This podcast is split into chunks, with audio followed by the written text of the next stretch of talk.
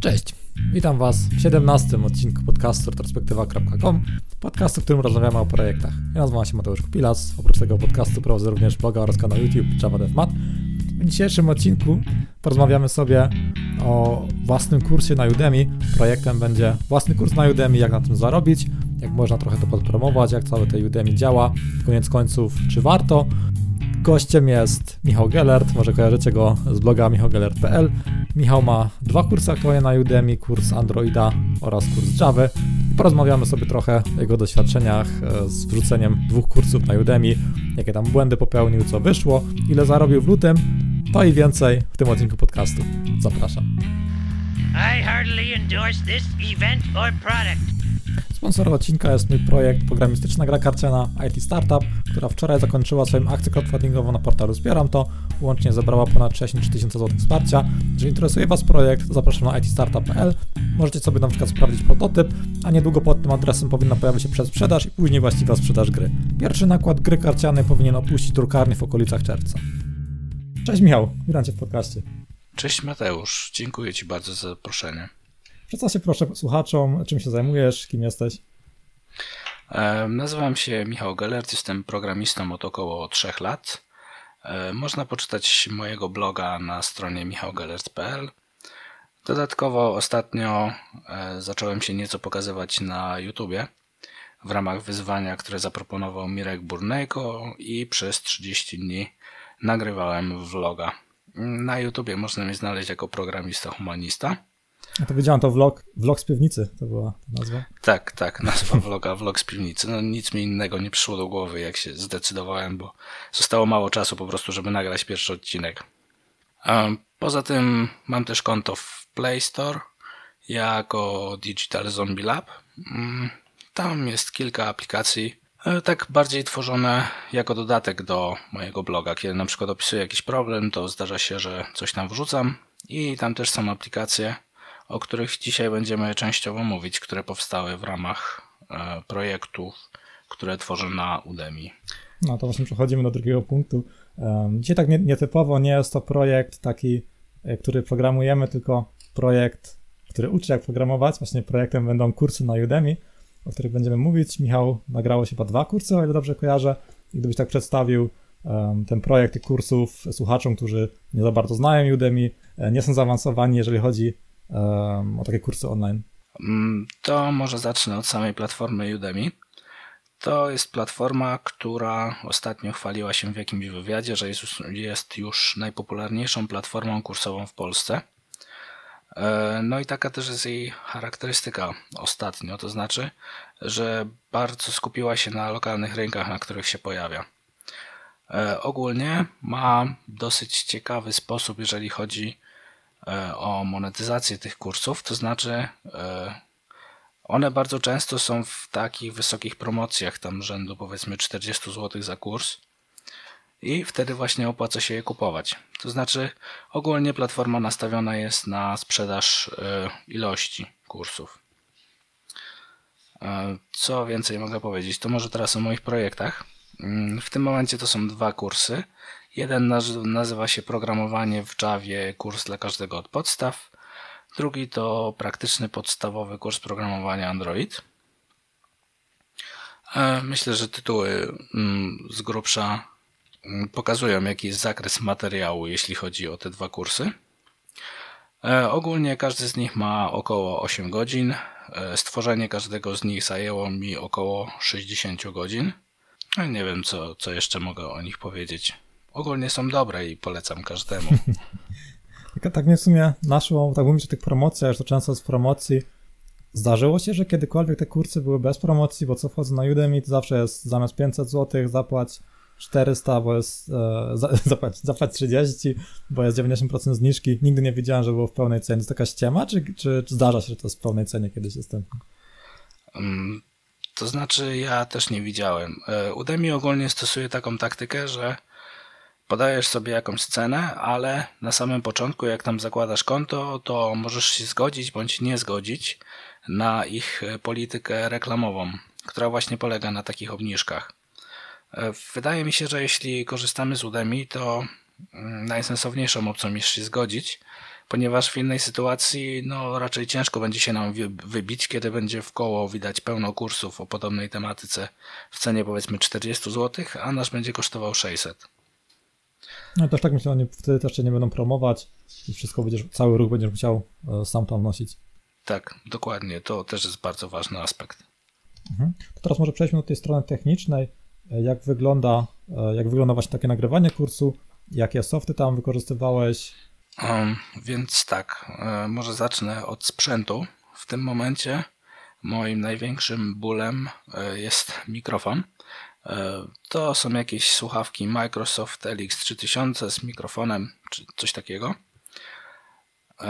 No i po każdym nagraniu jakiegoś fragmentu muszę niestety odszumiać, czy usuwać jakieś tam dziwne efekty, które się pojawiły. Poza tym korzystam z programu Camtasia, który jest skonfigurowany w ten sposób, że nagrywa mój ekran, a e, dodatkowo nagrywa też dźwięk ze słuchawek oraz E, obraz mojej kamerki w laptopie. To później e, również w programie Camtasia można sobie ładnie połączyć, e, poukładać, żeby było powiedzmy obraz z kamerki widoczny w prawym dolnym rogu ekranu, czy później bezstratnie na przykład przybliżać fragmenty ekranu. I to jest też taka lekcja, którą odebrałem. To znaczy, jeżeli ktoś się decyduje na nagrywanie kursu, to dobrze, żeby sobie zmienił domyślny układ e, w swoim IDE. To znaczy chodzi o to, że w domyślnym układzie mamy bardzo mały rozmiar czcionki, gdzieś tam powiedzmy na 12 punktów. No i tego później nie widać, jeśli e, użytkownicy oglądają nasze kursy, na przykład na telefonach komórkowych. Dlatego dobrze jest sobie przed rozpoczęciem nagrywania po prostu skonfigurować większą czcionkę, żeby później nie musieć operować tymi suwakami i ciągle na przykład zbliżać, e, po prostu powiększać elementu ekranu, który aktualnie chcemy pokazać. No tak, tak, dokładnie pamiętam też kiedyś oglądałem jakieś kursy, właśnie brałem sobie to e, do autobusu na telefonie i właśnie wtedy, wtedy zauważy, zauważyłem tą bolączkę, że właśnie te małe czcionki to jest właśnie straszne, jak oglądam na telefonie. Um, tak, no ale to jest taka lekcja dla mnie. Myślę, że następny kurs, który stworzę, już będzie korzystał z tej techniki, bo do tej pory pracowicie e, przybliżałem właśnie e, te elementy kodu, które nie były zbyt e, widoczne na małych ekranach. Po prostu musiałem w postprodukcji poświęcić nieco więcej czasu na przygotowanie tego kursu. A to w czym montujesz? Bo to wymieniłeś tylko program do nagrywania. Camtasia to jest właściwie taki mały kombajn. Aha, że to można znaczy, montować nim. Tak, dokładnie. E, można montować, można później dodać e, jakąś nową ścieżkę dźwiękową, jeśli potrzebujemy usunąć kolor, jeśli na przykład nagrywalibyśmy na green screenie i chcielibyśmy być widoczni. Także e, no jest to naprawdę bardzo, bardzo dobry program. Jest płatny, bo kosztuje chyba 200 dolarów. O ile mnie pamięć nie myli, ale zdecydowanie się opłaca. No, ja nagrywałem właśnie jeżeli chodzi o Windows, to właśnie z OBS-a, Open Broadcaster. I w sumie, jeżeli chodzi o nagrywanie, też jestem bardzo zadowolony, też jest masę opcji. Jest darmowy soft, ale faktycznie nie, nie ma tam takich, przynajmniej nie, widziałem takich opcji, żeby właśnie po nagrywaniu, jak mówiłeś, żeby sobie bezstratnie przybliżać i tak dalej. To wiem, co tu porównywać, darmowy soft i właśnie taki profesjonalny, płatny. Tym bardziej jak robimy to zarobkowo, jakieś kursy sprzedajemy, to taka inwestycja, myślę, to jak najbardziej można um, to jakoś przeboleć. E, tak, zgadza się. Z OBS-a też korzystałem, no ale do tego potrzebujemy później jeszcze jakiś dodatkowy edytor wideo. E, no a z, właśnie Camtasia zapewnia nam wszystko, co jest potrzebne w takim, e, jako po prostu jedna konkretna aplikacja. Ja też jeszcze zastanawiałem właśnie nad Camtasią. Też dobrze, dobre opinie słyszałem. Właśnie z mojej perspektywy to mogę ją szczerze polecić. Wiem, że są jakieś alternatywy typu ScreenFlow czy coś takiego, to ja na Camtasia się zdecydowałem już dawno temu, już dawno temu nauczyłem się obsługi. No i po prostu tak zostało. Myślę, że szkoda czasu na szukanie jakichś alternatyw, jak do tej pory e, nie znalazłem e, rzeczy, której nie mógłbym zrobić przy pomocy Camtazji. Może taka jedna bolączka przy montowaniu vloga, która się pojawiła. Mianowicie nie ma tam opcji anti-shock. Nie wiem jak ona się nazywa fachowo. Czy stabilizacja obrazu? Tak, dokładnie. E, stabilizacja obrazu. E, no i oficjalnie gdzieś tam znalazłem na saporcie, że póki co się nie pojawi. No ale to jest taka, taka jedna funkcja, której by mi ewentualnie brakowało. Okej, okay, i z tym jednym softem praktycznie e, jest to całe załatwione, czy masz tam jeszcze jakieś zewnętrzne oprogramowanie? To jest całe załatwione, to znaczy mogę sobie nagrać audio korzystając z tego softu, nagrać wideo, później to zmontować, a nawet bezpośrednio z tego softu przekazać na YouTube'a. Albo wyrenderować do pliku MP4, czy jakiego tam potrzebuję. Na Udemy się dostarcza w formacie MP4, czy to jest w sumie e, obojętne? E, dostarcza się w formacie MP4. Nie pamiętam, czy tam są jeszcze jakieś inne możliwości. No, Ale MP4 przechodzi na pewno. No, to, to tyle, jeżeli chodzi właśnie o, te, tą stronę techniczną nagrywania. Teraz taka kwestia, e, słyszałem właśnie o Udemy parę takich kontrowersji, że zdarzało się, że nie do końca weryfikowali, e, czy, czy autor faktycznie jest autorem kursu i zdarzało się, że kurs z zewnątrz byłoby spiracony i sprzedawany na Udemy. Jak właśnie, jak właśnie wyglądała ta kwestia u Ciebie? Jak weryfikowali, czy jesteś faktycznie autorem kursu? E, u mnie wyglądało to w ten sposób, że po nagraniu swojego pierwszego kursu przekazywałem e, go do Udemy i tam trzeba kliknąć taką opcję mm, sprawdź. Wtedy ten kurs jest po prostu sprawdzany przez pracowników Udemy. E, I oni poprosili mnie o nagranie dodatkowego wideo, w którym byłoby widać moją twarz i w którym odczytuję taką formułkę, że jestem autorem tego kursu, posiadam do niego pełne prawa, nie wykorzystałem nie wykorzystałem jakichś jakiejś tutaj pracy podczas tworzenia tego kursu, tylko sam stworzyłem go od początku do końca. I taką formułkę następnie przesyłało się do nich, no i po kilku dni e, mi odpowiedzieli, że kurs jest zweryfikowany i jest dostępny w sklepie. I jest sprzedawany aktualnie. Mhm. A tu mówiłeś, że tak dla pierwszego kursu robiłeś, jak cię raz zweryfikują, to w przypadku kolejnego już nie trzeba tak robić, czy każdy trzeba weryfikować? Wiesz co, w przypadku drugiego kursu już nie zostałem poproszony, ale jeśli chodzi o ten kurs, to w sumie była e, ta sama twarz w prawym dolnym rogu. Myślę, że po prostu to wystarczyło. Mhm, okej, okay, czyli pierwszy tak, jest taka większa weryfikacja, a później to już mają jakieś tam zaufanie. a zresztą po, po, tym pierwszym razie, jak w ogóle mają te twoje oświadczenia, to już myślę, to jest od, od ich strony zabezpieczenie takie, że wtedy już, wtedy już na to e, lżej patrzą. Tak, też, też mi się właśnie tak wydaje, bo e, ten drugi kurs nawet chyba mam wrażenie, że weryfikacja poszła nawet nieco szybciej niż tego pierwszego. A jeżeli chodzi o ramy czasowe, ile, ile trwała taka weryfikacja? E, w pierwszym przypadku to były chyba 3 albo 4 dni, a w drugim przypadku 2 dni. No to spoko, to sprawnie to idzie fajnie. E, skąd się u Ciebie wziął w ogóle ten pomysł na to, na, na Udemy? E, sami Cię jakoś zaprosili, czy... To było w ten sposób, że ja kiedyś, dawno temu, jak jeszcze zaczynałem pierwszą pracę jako programista, to nagrałem kurs e, dla platformy wtedy. E, wtedy ta platforma nazywała się Kenis. Teraz można ją znaleźć na YouTube jako Samuraj Programowania.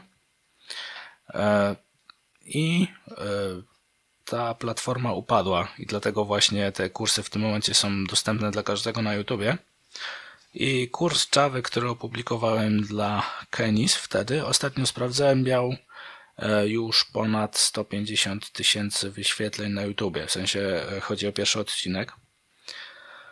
I myślę, znaczy tak mi się wydaje, że to właśnie w ten sposób e, zostałem znaleziony przez Udemy, ponieważ odezwali się do mnie chyba w październiku tamtego roku albo we wrześniu. Pogadaliśmy trochę, mm, ustaliliśmy szczegóły, dowiedziałem się jak to u nich wygląda. No i zacząłem nagrywać, bo w sumie uznałem, że to jest fajny pomysł, żeby E, ruszyć z jakąś własną działalnością gospodarczą i e, móc sobie e, mieć po prostu jakiś dodatkowy dochód poza tym, co wypracowuje dla pracodawcy. Mhm. Tu może też, jeżeli mówiłeś jako dodatkowy dochód, to musisz mieć działalność gospodarczą, żeby z nim współpracować, czy są inne możliwości, by się rozliczać? Wiesz co, jeśli chodzi o Udemy, to oni nie mają żadnych problemów. W sensie ich nic nie interesuje. Po prostu jeżeli jestem e, instruktorem, to wtedy dostaję dostęp do takiego wewnętrznego panelu Udemy, gdzie e, widzę, kto kupuje kurs, za jaką cenę, e, jaki procent z tego dochodu trafia do mnie, ponieważ to też jest dosyć złożony problem. E, no i oni po prostu przelewają mi te pieniądze na konto PayPal e, raz w miesiącu. E, I rozliczenie jest całkowicie po twojej stronie później. Tak, dokładnie. Raz w miesiącu, e, tylko jeszcze tutaj informacja, że data jest e, dwa miesiące do tyłu. To znaczy e, w lutym na przykład dostałem pieniądze za grudzień, ponieważ osoby, które kupiły kurs w grudniu mają jeszcze 30 dni na zwrot tego kursu. Dlatego właśnie też Udemy nie wypłaca tych pieniędzy od razu, tylko czeka aż ten czas na zwrot ewentualny się skończy i wtedy dopiero przelewa pieniądze instruktorom. Mhm. To później jakoś, jakąś tą fakturę wystawiasz dla Udemy, czy jak, jak to jest później w tym przypadku rozliczane? Tak, wystawiam fakturę dla e, Udemy i to tyle. Potem po prostu klikam, że jest opłacone, kiedy przelew z PayPal się pojawi. No to spoko, to w sumie dosyć, dosyć proste, nie jest skomplikowane. Teraz już zaczęliśmy właśnie o tym, e, o tym wypłacaniu kasy, to przejdźmy może do, do pytania o finanse. E, czy, czy opłaciłeś to generalnie? Czy wyniki, których, które otrzymałeś, były podobne tego, czego się spodziewałeś, czy może to była jakaś rozbieżność między tym, czego się spodziewałeś, a jak było faktycznie?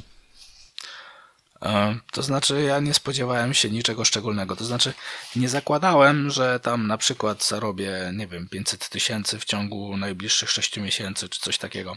Podszedłem do tego na zasadzie, że okej, okay, no to jest ciekawy model, w którym e, mam płacone za konkretną już sprzedaż więc to taka świetna okazja, żeby nauczyć się co nieco tych umiejętności sprzedażowych, więc okej, okay.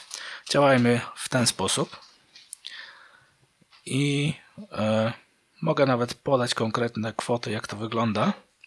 E, na przykład mój cały dochód za luty. E, nagrywamy ten odcinek ostatniego lutego, więc myślę, że tutaj już za dużo się nie zmieni. E, wynosi 277 dolarów. I e, ta kwota. Z dwóch kursów, tak? Z tego, e, tak, z dwóch kursów. E, ta kwota w sumie nie kosztowała mnie zbyt dużo, jeśli chodzi o pracę. To znaczy, e, w kursie Java mm, dodałem zadania dla, do rozwiązania. Osoby, które zakupią ten kurs, mają możliwość wysłania tego zadania e, dla mnie do sprawdzenia. Ja tutaj pojawiam się na Udemy co 3 dni i sprawdzam sobie te zadania, które są mi podesłane. i po prostu informuję, czy jest rozwiązane dobrze, czy coś jeszcze na przykład trzeba poprawić. I to jest cała praca, która była włożona w lutym e, w ten dochód. A to masz jakąś tam e, umowę z Udemy, że musisz ten support udzielać, czy to jest takie tylko takie opcjonalne, że po prostu wpływa to na, na oceny kursów później, czy Udemy jakoś rozlicza, czy faktycznie ten support udzielasz? E, Udemy tego nie rozlicza, tylko z racji tego, że moje najbliższe miesiące są raczej związane, to znaczy plany na najbliższe miesiące są związane z Udemy, to po prostu e, bycie fair wobec społeczności, która zakupiła Twój kurs, no jest jak najbardziej mile widziane, ponieważ oni wtedy chętniej kupią na przykład następny kurs, jeśli wydałbyś jakąś następną część. E, no i poza tym mm, jest to też taka świetna możliwość, żeby E, jednak ten swój kurs cały czas polepszać, ponieważ jeżeli często pojawia Ci się jakieś pytanie, to wtedy dobrym pomysłem jest po prostu usiąść i dograć ten e, fragment, dodać, e, dograć dodatkowy fragment kursu, który po prostu będzie tłumaczył ten problematyczny wątek po raz kolejny i tyle. Okej, okay, to w sumie, w sumie czegoś takiego się spodziewałem właśnie że, że zastanawiałem się, czy Udemy ma jakieś w tej umowie, e, że musisz tam zapewniać jakiś tam support, że na pytania musi odpowiadać, ale faktycznie to jest tak, że po prostu to, to buduje twoją markę, czy klienci do ciebie wracają i tak dalej. Tak. Zdrowe podejście. E, dokładnie. I te pytania, które są zadawane, czy zadania, które przesyłają użytkownicy, one mogą być e, widoczne dla wszystkich uczestników kursu na przykład, albo tylko dla instruktora tak trochę staram się zbudować wokół tych kursów e, taką małą społeczność, która by, e, w której ja bym się oczywiście udzielał, ale która też by mogła sobie nawzajem pomagać.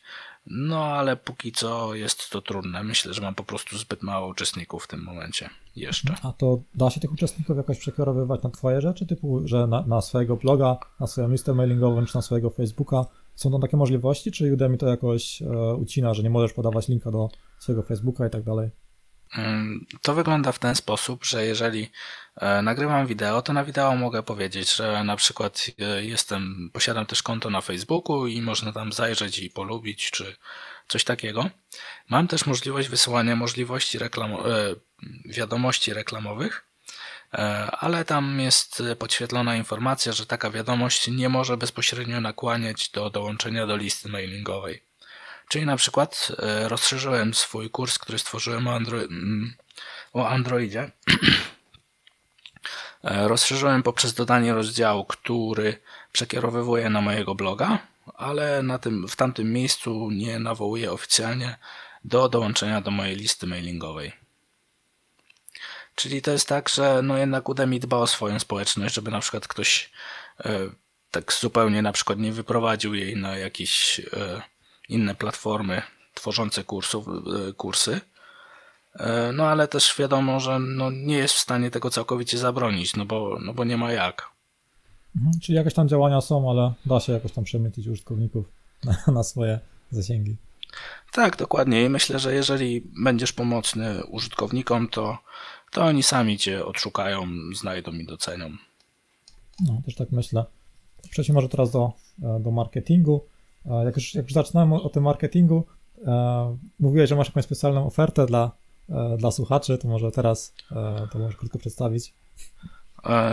Tak, jeśli ktoś wejdzie na stronę kursyandroid.pl ukośnik retrospektywa albo e, wpisze na stronach mojego kursu e, kod retrospektywa, to wtedy dostanie specjalną promocję, która jest e, dobra nawet jak na standardy Udemy. Okej, to tak się robi marketing, to był przykład. A teraz jeśli Właśnie, chodzi o... właśnie nie mam pewności, czy tak się robi, bo teoretycznie e, zgodnie z tymi marketingowymi zasadami, to teraz powinienem powiedzieć, że e, na przykład wygasa ten e, kod zniżkowy za 5 dni, czy coś takiego. Znaczy tak, tak, są tam, są tam różne zasady, ale ja też często wrzucam takie, takie kody zniżkowe, w sumie są... Nie, rzadko daję ograniczenia czasowe i jakoś ludzie z nich korzystają tylko w te pierwsze dni po pojawieniu się, a później to jakoś zanika. No pewnie, pewnie właśnie tak jest, tylko e, z tym ograniczeniem czasowym pewnie chodzi o takie bardziej wywarcie presji na, na użytkowniku, żeby skorzystał teraz, bo, bo za jakiś czas na przykład nie będzie. Tak, tak. Jeżeli chodzi o takie e, inne techniki marketingowe, właśnie jak, jak sprowadzałeś ruch na te swoje e, kursy, jakie reklamowałeś i jakie były tego efekty? No tutaj jest ogrom pracy po stronie Udemy. Znaczy e, Udemy generuje bardzo dużo ruchu tak po prostu. W tym momencie, jak mówiłem we wstępie, Udemy bardzo promuje takie kursy, które są tworzone w językach lokalnych, czyli na przykład Udemy pojawiło się w Polsce, więc w tym momencie, jeśli w wyszukiwarkę wpiszemy Java, to wyskoczą nam kursy e, Java, które są zrobione po polsku, a dopiero później te, które są zrobione po angielsku i dalej. Em, Jeżeli chodzi o ten ruch z wyszukiwarki, to w takiej sytuacji e, Udemy płaci e, instruktorom połowę ceny, e, taką, którą zapłacił użytkownik. Ponieważ no, jest to takie pół na pół. Użytkownik znalazł jakiś kurs na Udemy, więc dzielimy się z Udemy e, po połowie. Jeżeli e, użytkownik skorzysta z linku, który ja mu dałem, z takiego linku ze zniżką, na przykład z, z linku retrospektywa, to w takiej sytuacji 97% dochodu trafia do mnie, 3% zostaje po stronie Udemy. E, Jest jeszcze trzecia opcja, kiedy Udemy reklamuje Twój kurs, bo oni e, regularnie wybierają sobie dobre kursy i po prostu wrzucają reklamy, czy to na Facebooka, czy w jakieś inne media. No, E, bardzo, bardzo często widziałem właśnie na Facebooku reklamy sponsorowane od Udemy. Tak, to wtedy instruktor nie płaci za tą reklamę, ale dochód ze sprzedaży takiego kursu to wtedy tylko 25% dla instruktora. E, Podobnie też są możliwości tworzenia jakichś reflinków i zarabiania na- Udemy, ale tego tematu jeszcze dokładnie nie znam. E, Tam wtedy instruktorowi też zostaje 25% i podejrzewam, że osoba, która generuje taki link też dostaje 25%, ale tutaj mogę się mylić. Ale Dlatego- bardzo, bardzo fajnie, że Udemy daje tak dużo, jak, jak samemu reklamuje, że mówię 97% tutaj dostajesz. Tak. No, to super, to bardzo fajnie. E, No, myślę, że Udemy po prostu e, liczy to w ten sposób, że jeżeli ktoś e, trafi na jakiś dobry kurs, kupi go, to później będzie szukał już swoich kolejnych kursów właśnie na Udemy. I, Udemy zarobi na tym w ten sposób. Dlatego też pewnie udaje im się rosnąć tak szybko, bo jednak instruktorzy mają bardzo, no bardzo się starają, żeby jednak ludzie trafiali na kursy właśnie z ich poleceń. Jeżeli chodzi właśnie o ten, o ten marketing, e, jak, jak próbowałeś na własną rękę to reklamować? Jakie tutaj działania e, podejmowałeś? To znaczy wszystko dokładnie opisuję miesiąc po miesiącu na swoim blogu. Tam można zajrzeć, wpisać Udemy wyszukiwarkę. To wyskoczą wszystkie informacje. E, no i tak powiem szczerze, że nigdy specem od marketingu nie byłem. Ostatnio nawet zrobiłem sobie kursy, przepraszam, zrobiłem sobie testy. Ten test pięciu kompetencji. Test Galupa, o, tak się nazywa. No i tam w swoich top 5 nie mam żadnych umiejętności związanych ze społecznością, także trochę się potwierdziło to, co już o sobie wcześniej myślałem, że jednak nie, nie potrafię e, za bardzo zajmować się marketingiem czy tworzyć społeczności wokół siebie. E, dlatego też próbowałem różnych sposobów. Na przykład wrzucałem informacje e, i jakąś część kursów, żeby była po prostu za darmo na strony internet, znaczy na strony na Facebooku E, tam dopóki darmowe linki były aktywne, co jeżeli strona była popularna, to trwało jakieś powiedzmy 50 sekund, to do tej pory ruch był bardzo duży. Potem pojawiały się oczywiście komentarze, że link wygasł. No i wtedy zachęcałem do e, zakupienia ze specjalną promocją, ze specjalną zniżką. Bardzo ciężko mi ocenić, jakie to przyniosło rezultaty, jeżeli chodzi o te kody zniżkowe, które były potem e, wrzucane na te strony. To e, z nich nie został wykorzystany żaden, tak naprawdę. Czyli korzystali e, ludzie z darmowych rzeczy, a później faktycznie nie kupowali nic po tych kodach. No tak, tak to niestety wyglądało, ale mam wrażenie, że, albo przynajmniej nadzieję, E, że po tych darmowych kodach zostało chociaż jakieś wspomnienie, w sensie, że jeżeli ktoś będzie kiedyś myślał o zakupie jakiegoś kursu, bo jeżeli kurs jest darmowy, no to nie oszukujmy się. Najczęściej ludzie, czy go potrzebują, czy go nie potrzebują, to i tak wejdą i klikną, no bo nic ich to nie kosztuje w tym momencie. E, nic ich nie kosztuje, w sensie mm, Udemy dostaje e, nowe dane osobowe i po prostu nowego klienta, któremu będą mogli coś potem proponować w jakiejś formie. E, no ale w takiej sytuacji to mm, instruktor mm, w sumie zyskuje tyle, że ma jakąś kolejną osobę w swojej wewnętrznej społeczności, do której może wysłać na przykład informację o tym, że stworzył kolejny kurs, który tam e, zawiera drugi poziom. Tylko, że z tymi darmowymi linkami jest w ten sposób, że takie osoby klikają najczęściej, a potem w ogóle nie, nawet nie startują tego kursu. A to masz, masz wgląd, tak? Ile użytkowników wykupiło albo miało darmowe próbki, ile faktycznie e, zaczęło ten kurs, a ile w ogóle nie ruszyło? Tak, tak, mam wgląd. Mogę nawet, e, mogę nawet e, tworzyć e, oferty na zasadzie takiej, że wybieram sobie grupę, która ma już zrobione 75% poprzedniego kursu i to właśnie tej grupie przesyłam najlepszą ofertę z, z najlepszą zniżką ponieważ jest największa szansa, że to właśnie taka grupa kupi mój następny kurs, jeżeli będzie kontynuacją tematu, którym się aktualnie zajmuję. Czyli można fajnie sobie jakieś takie segmenty robić tych użytkowników, którzy masz, których masz na swoich kursach, kto ile tam zrobił czegoś i do tych specjalnych grup wysyłać określone rzeczy. Tak, dokładnie, można tak robić. E, w tym momencie żadnej jakiejś takiej specjalnej akcji nie przeprowadzałem. E, ale jest możliwość, jest możliwość wysłania wiadomości marketingowej do uczestników e, swoich kursów i albo konkretnego kursu, albo do wszystkich, albo posortowane według jakichś właściwości, na przykład stopnia realizacji danego kursu. Swego czasu też reklamowałem się w Google na AdWords pod frazami kurs programowania Java, Java dla początkujących, kurs programowania online czy coś takiego i ogólnie z racji tego, że było to, był to mój pierwszy kontakt z AdWords, to zainwestowałem 100 zł. 200 zł dostałem do wykorzystania dodatkowo.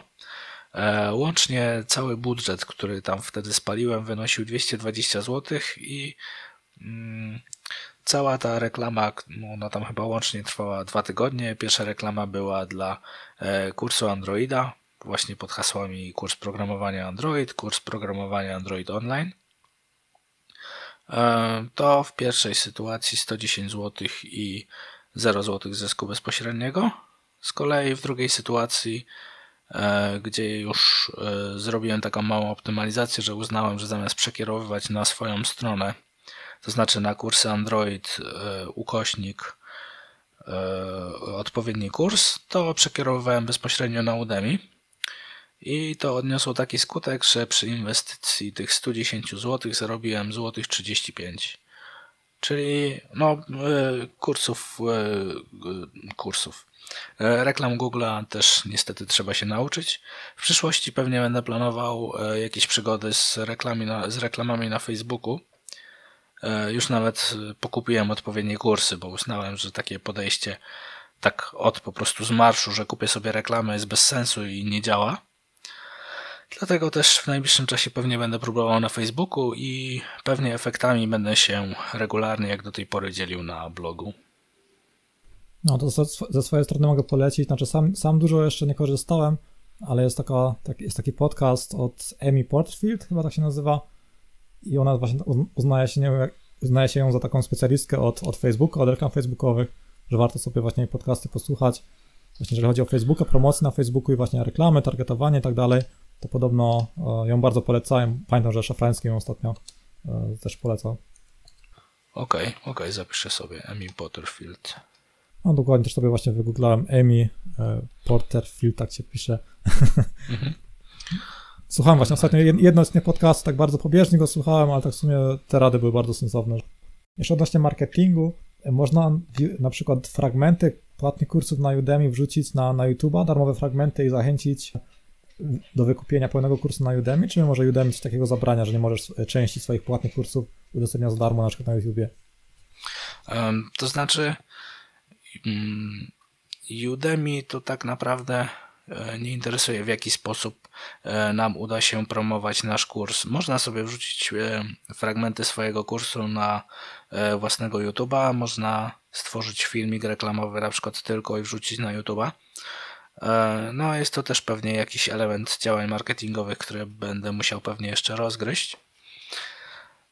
Ale ogólnie od strony Udemy nie ma tutaj żadnego problemu nawet pewnie można opublikować ten sam kurs w różnych miejscach, na przykład na platformie Udemy na swojej platformie. Tylko pytanie, czy to ma sens w takiej, w takiej no tak, konfiguracji. Na swoje nie masz, nie masz e, nie, nie, nie pobierać prowizji, a po co to w innym miejscu, ktoś cię oczekuje, ma 50% szansy, że trafi w miejsce, gdzie mniej zarobisz, nie? No, dokładnie. Mm, dokładnie. No i swoja platforma to też są oczywiście jakieś koszty, bo e, można zrobić na WordPressie, wrzucić filmiki jako prywatne, na przykład na YouTube. Tylko warto wtedy pamiętać, że filmiki prywatne, które są dodane do publicznej playlisty, przestają być prywatne.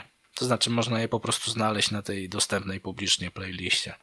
No tak, nie, nie jest to aż takie, takie proste. Znaczy, można to tam jakoś zrobić, ale też tak myślę, tym bardziej, że jak 97% otrzymujesz, jeżeli sam tam użytkowników kierujesz, że nie wiem, czy to jest warte co hołdu bawienia się właśnie taką własną platformę,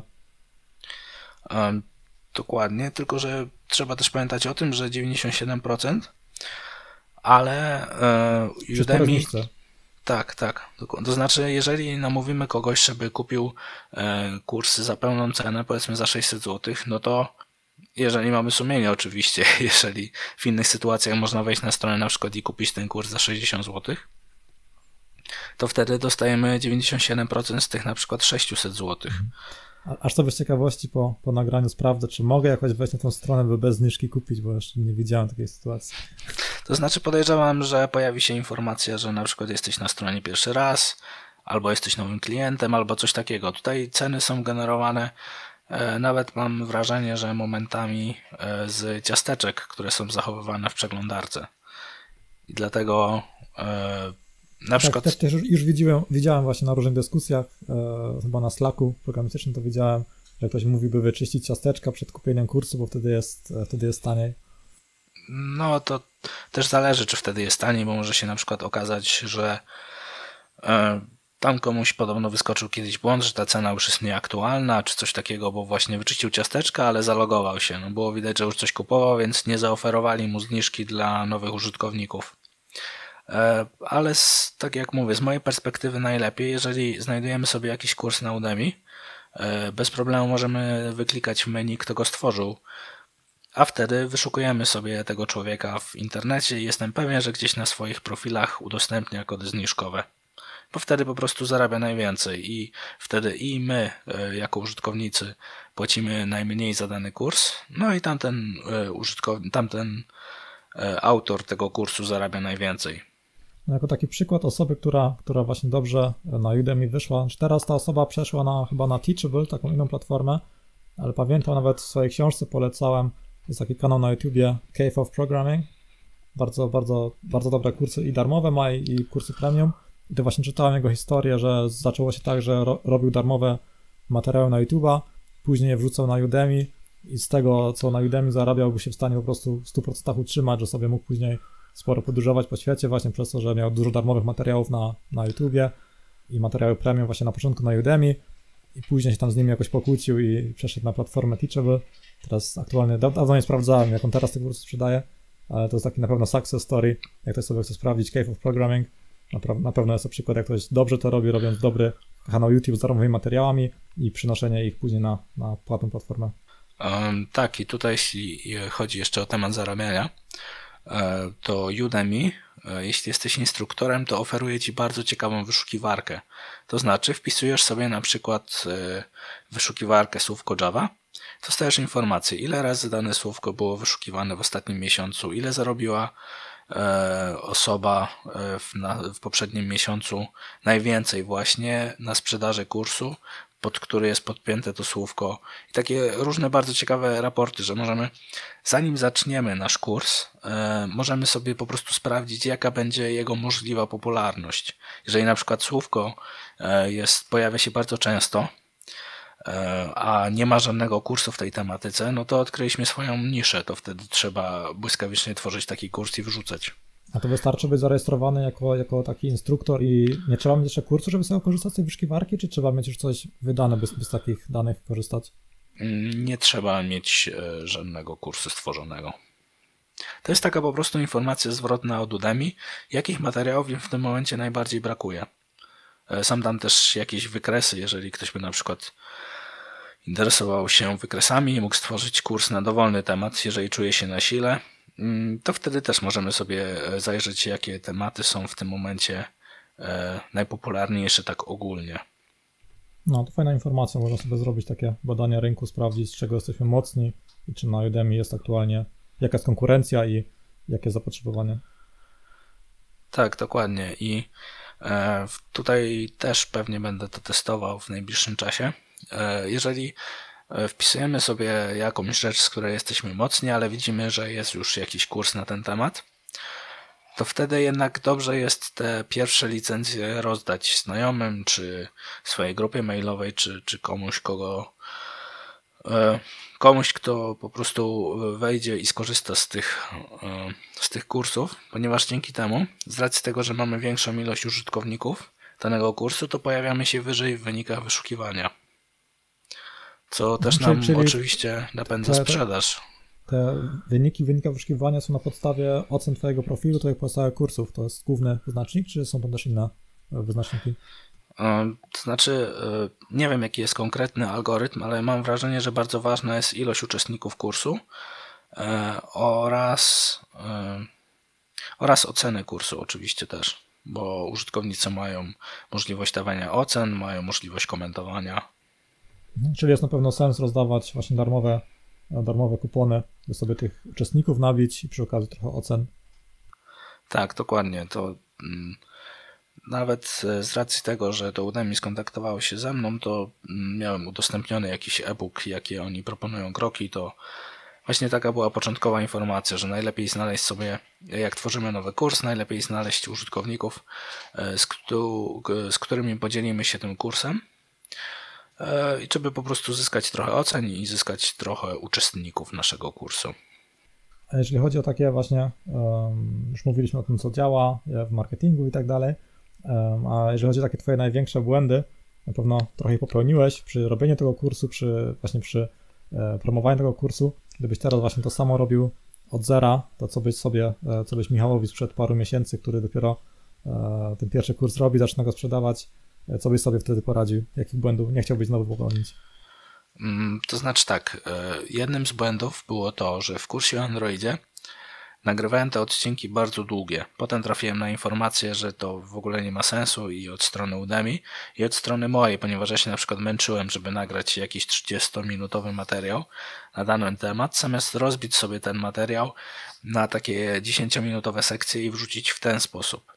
Także to jest e, ważne też Udemy Udemy promuje, no i w sumie dla uczestników to jest wygodne, kiedy uczestnik może sobie przerwać kurs na przykład po 10 minutach oglądania i wrócić do niego później, a nie musi oglądać całego półgodzinnego materiału, gdzie już na przykład na końcu i tak już nie pamięta tego, co było na początku danego tam segmentu. Także to jest na pewno inna rzecz. Ten drugi kurs, kurs o Czawie, jest już nagrany zdecydowanie lepiej. Tam e, mam filmy, które trwają powiedzmy 10-15 minut i tłumaczą jakieś już e, konkretne zagadnienie. E, dodatkowo do tych e, filmów są jeszcze zadania i to też jest ważny punkt. To znaczy, jeżeli projektujemy jakiś kurs, to dodawajmy do niego zadania, które pozwolą ludziom się zaangażować i na dodatek pokażą, że dany uczestnik już coś umie. To znaczy, Dobrze jest też poinformować na początku kursu, że po skończeniu tego kursu będziesz w stanie na przykład e, napisać własną aplikację androidową, która będzie potrafiła korzystać z jakiegoś API. Mm, I takie, takie informacje, a później takie właśnie zadanka, które pojawiają się po określonych segmentach, bardzo fajnie budują nam te kursy, że użytkownik nie ma wrażenia, że tylko obejrzał sobie coś, a potem siada do edytora no i ma pusto w głowie, tylko już robiąc jakieś takie pomniejsze zadanka po drodze, e, jednak rozwija cały czas te swoje umiejętności. To nie jest tylko takie bierne patrzenie, ale też e, cały czas ćwiczenie na żywo tych e, nowych umiejętności. Kolejnym błędem, o którym już wspominałem, były te małe literki w edytorze. Żeby po prostu stworzyć sobie odpowiedni motyw z odpowiednio dużymi literami, bo mm, wiem, że potem w postprodukcji Tracimy właśnie sporo czasu na to, żeby e, przybliżyć dany obszar ekranu, żeby te litery wydawały się większe, potem oddalić go, kiedy na przykład skompilowałem kod, żeby pokazać efekty i tak dalej. Jeszcze może jeszcze? Podczas, samego nagrywania kursu pamiętam, że w przypadku różnych wideotutoriali często tak miałem, że bardzo, bardzo trudno mi się um, komentuje to, co programuję, że coś, o czymś myślę, chcę coś zrobić, przy okazji to tłumaczę, i po prostu w głowie mi się robi taki ogromny mindfuck i czasami po prostu kompletnie, e, kompletnie się w tym tracę, że na przykład często tak robiłem, że miałem na przykład na drugim monitorze, miałem mniej więcej e, wszystko napisane, jakiś taki, taki plan tego, takie kluczowe elementy kodu, by sobie zerkać, po prostu tak jak wszystko, po prostu jak, e, człowiek jest według mnie, znaczy nie wiem, niektórzy, ja jestem w multitaskingu kompletnie, kompletnie nie nadaję do multitaskingu, jeżeli mam tłumaczyć coś, nagrywać i na bieżąco pisać kod i go tłumaczyć, to jest po prostu bardzo dużo czy robiłeś sobie na przykład jakąś ściągawkę podczas nagrywania, że masz na drugim monitorze na przykład coś, czy generalnie miałeś to w głowie ułożone? E, to znaczy mam tak samo jak ty, że faktycznie multitasking u mnie nie działa. Skupiam się na jednej rzeczy naraz. E, I tutaj też e, bardzo pomaga ta idea 10 minut. To znaczy, jeżeli na przykład tłumaczymy koncepcje zmiennych, to wtedy takie 10 minut jest ok, żeby wytłumaczyć ogólnie całą koncepcję. Nie, nie potrzebujemy do tego żadnych ściągawek. Jeżeli nagrywałem te dłuższe fragmenty, to wtedy faktycznie zdarzało się, że miałem jakieś kluczowe elementy kodu e, wypisane na drugim monitorze. Mm, ale jeżeli nagrywamy takie krótkie odcinki 10-minutowe, gdzie tłumaczymy jeden, jeden jakiś tam konkretny aspekt, e, to myślę, że to aż tak bardzo nie uwiera. Jesteśmy się w stanie skupić zarówno na e, opowiadaniu, e, jak i na pisaniu tego w tym samym momencie. Czasem nam pojawiają się z tego tytułu jakieś literówki, przynajmniej u mnie. E, no, ale jest to możliwe i myślę, że, że całkiem wykonalne. No, faktycznie takie krótsze to i dla, i dla kursantów lepsze, dla ciebie lepsze w nagrywaniu. W sumie nie ma sensu robić takich długich kobył. Mm, tak, dokładnie. Nawet jeśli bo przed samym nagrywaniem kursu trzeba powiedzmy usiąść i spisać sobie, e, jakie będzie miał ten kurs rozdziały, jakie aspekty będziemy poruszać i tak dalej. E, to właśnie już w tym momencie planuję sobie, e, jak dzielić ten kurs na takie 10-minutowe fragmenty i o czym będę mówił w danym, w danym rozdziale. Także to, to też pomaga, że później zamiast mówić o jakichś losowych rzeczach, bo na przykład o czymś zapomnieliśmy czy coś takiego, to jak mamy to spisane, e, to jednak po prostu wiemy, co, co chcemy powiedzieć i to bardzo pomaga. No tak, warto mieć jakiś taki plan. Mm, to tyle chyba, jeśli chodzi o błędy. Czy tam masz może jeszcze jakiś taki punkt, taki krytyczny błąd, który e, chciałbyś e, się nim podzielić? Nie, myślę, że już więcej krytycznych jakichś błędów nie popełniłem. Znaczy oczywiście tam, bo cały czas wszystko można ulepszyć. Wiem na pewno, że zainwestuję w lepszy mikrofon w najbliższym czasie, żeby poprawić jakość audio w swoich kursach. Mm. No to na pewno mogę ze swojej strony polecić, żeby szukać taki mikrofon, na przykład szukaj pod kątem, jak, jakie mikrofony są polecane do podcastingu, bo na przykład kiedyś nagrywałem na początku na YouTubie, miałem mikrofon pojemnościowy, który kupiłem do nagrywania gitary akustycznej i on jakościowo był bardzo dobry dla głosu i wszystko, ale on po prostu zbierał całe pomieszczenie i w tym momencie jak samochód przejechał obok mieszkania czy coś, to po prostu zbierało wszystko, a teraz mam do podcastingu, to nawet jak tutaj e, za oknem mi za, zawyje jakaś syrena, e, syrena straży pożarnej czy coś, to tego praktycznie nie słychać, bo mam taki mikrofon, który zbiera tylko bardzo blisko, że warto właśnie specyficzny mikrofon kupić, który tylko bardzo blisko zbiera. No właśnie będę się zastanawiał. Mam już kilka modeli upatrzonych, a będę badał informacje i, i, i sprawdzał. No to, no to super. Jeżeli chodzi o takie plan na przyszłość, na kolejne kursy, aktualnie jest to kurs Java oraz Androida. Tam wspominałeś sobie, że planujesz e, kolejne kursy na Udemy.